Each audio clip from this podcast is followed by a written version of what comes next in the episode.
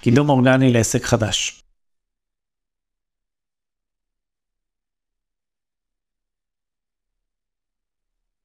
אז אם לעסק חדש שווה לעשות קידום אורגני, אז הדילמה העיקרית פה מבחינתי זה נושא התקציב. אם אתם עסק חדש, אבל יש לכם אפשרות לממן קידום אורגני למשך חצי שנה, שנה לפחות, שזה אומר בערך 2,000 שקל בחודש, לפני מה? בממוצע. אז אני מאוד בעד שתתחילו עם התהליך הזה כמה שיותר מוקדם. בסופו של דבר הרבה מאוד עסקים מבינים שאורגני זה הערוץ הכי רווחי והכי משתלם.